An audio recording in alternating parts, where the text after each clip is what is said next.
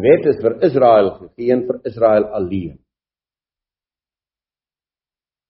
Ek het al uitgespreek teenoor mense die gedagte julle het hierdie land ingestorm nou ek het dit mos ook gedoen in my onkundige jare. En nou het julle wesens van die aarde het julle gaan skuldig verklaar aan 'n wet wat hulle nooit geontvang het. Besef jy die konsekwensies daarvan? Die wet is nie vir hulle gegee nie, maar hoe word die wet vir hulle gaan lees asof dit aan hulle gegee is? As ek en my vrou vanmôre 'n kontrak met mekaar het, dan het ek en my suster wat vanmôre hier sit nie eens 'n kontrak met mekaar op daai vlak. Nou kom maak hierdie verdwaalde Christendom van ons tyd en van die eeue kom maak hy wesens skuldig aan die wet van God aan die God van Israel. Hulle behoort nie aan hom nie, ons sal ook nooit aan hom behoort nie.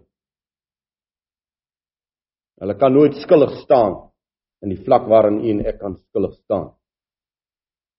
Moses handel en praat met geen ander volk as met die volk Israel. En Yeshua sê ek het net gekom vir die verlore skape van die huis van Israel. Matteus 15:24.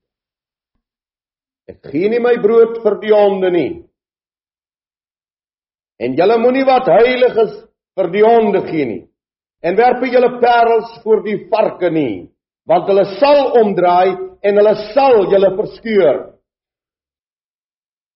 En vanmôre word hierdie blanke volk in Suid-Afrika verskeur. Waarom? Omdat hy die heilige dinge, die heilige brood, die ewige lewe gaan gee vir die honde en die varke van Afrika. En hierdie honde en hierdie varke. Ek kom ons net hierdie straat van Kuruman ry kan nie mos sien dis varke. Nou elke naweek lyk dit soos 'n varkhok. Hierdie land word 'n varkhok. En die verlore seun sit by die varkhokke. Weg van die vaderhuis. En as God jou wil gesê het jy mag nie, dan mag jy nie. En daarom word ons geskeur. Het elkeen vanmôre in hierdie land en word die televisieskerm natuurlik vir hulle beskikbaar gestel. Om hulle spoeg uit te spoeg oor die wit volk van Suid-Afrika. Oor hierdie mense wat onder die verleiding van die valse gees Die woord van Jawe gaan bring dit aan hulle. Wie is die groot oproermakers, opstokers? Die Christene.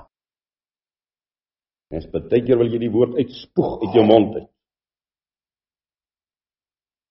Dat u en ek sal terugkeer na die woord. U wat vanmôre vir die eerste keer luister, my dierbare vriende, gaan staan en slag stil op u lewenspad. En keer terug na die goddelike woord. Nie wat mense sê en geleerdes sê nie, maar wat die skrif sê. Sy gelykenisse. Sy prediking, hy die koning van die koninkryk is net binne die ruimte van hierdie koninkryk gegee. Sy heilsgeskiedenis Sy heilshandelinge is net met sy volk. Hy het vrede met die Kanaaniete, met die Egiptenare, want hy was nooit hulle God nie. Hy het hom nooit geïdentifiseer as hulle God nie. Nie wat vanmôre hier sit, wat 'n heerlikheid dat ons dan kan terugkyk en watter blydskap om my hart toe op die televisieskerm wys?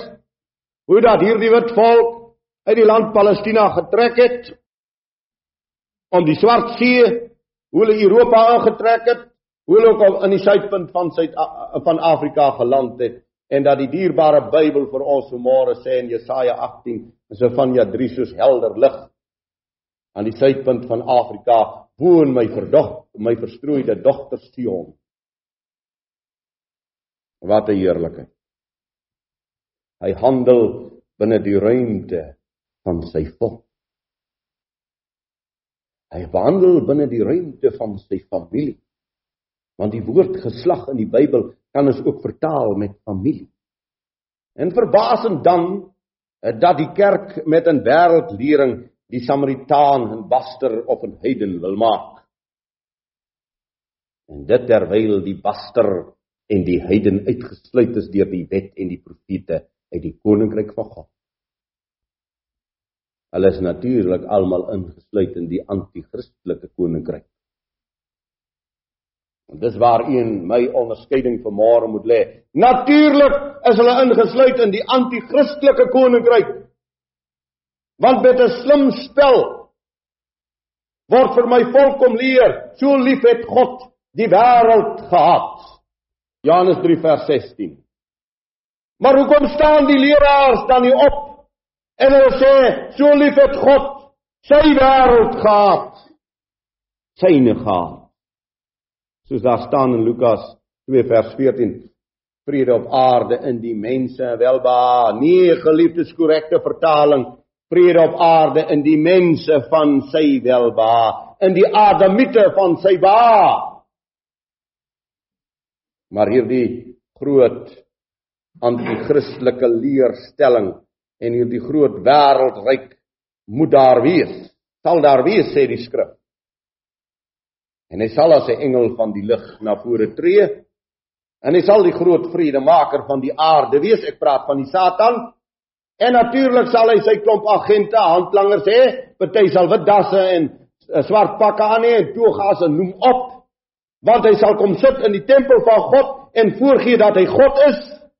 En hy sal vir die wêreld leer Ons is almal een. Ons is almal gelyk. Ons is almal broers. Ons moet almal mekaar lief hê. Want die duiwel het niks beswaar teen liefde nie, geliefdes. Solank dit net vir God is wat u liefhet. En die duiwel het geen beswaar teen vrede nie. Solank u net met God vrede het nie. En die duiwel het geen beswaar teen enige mooi ding wat u vanmôre vir my kan opnoem. Dit moet net nie met God wees nie, dit moet net met hom wees.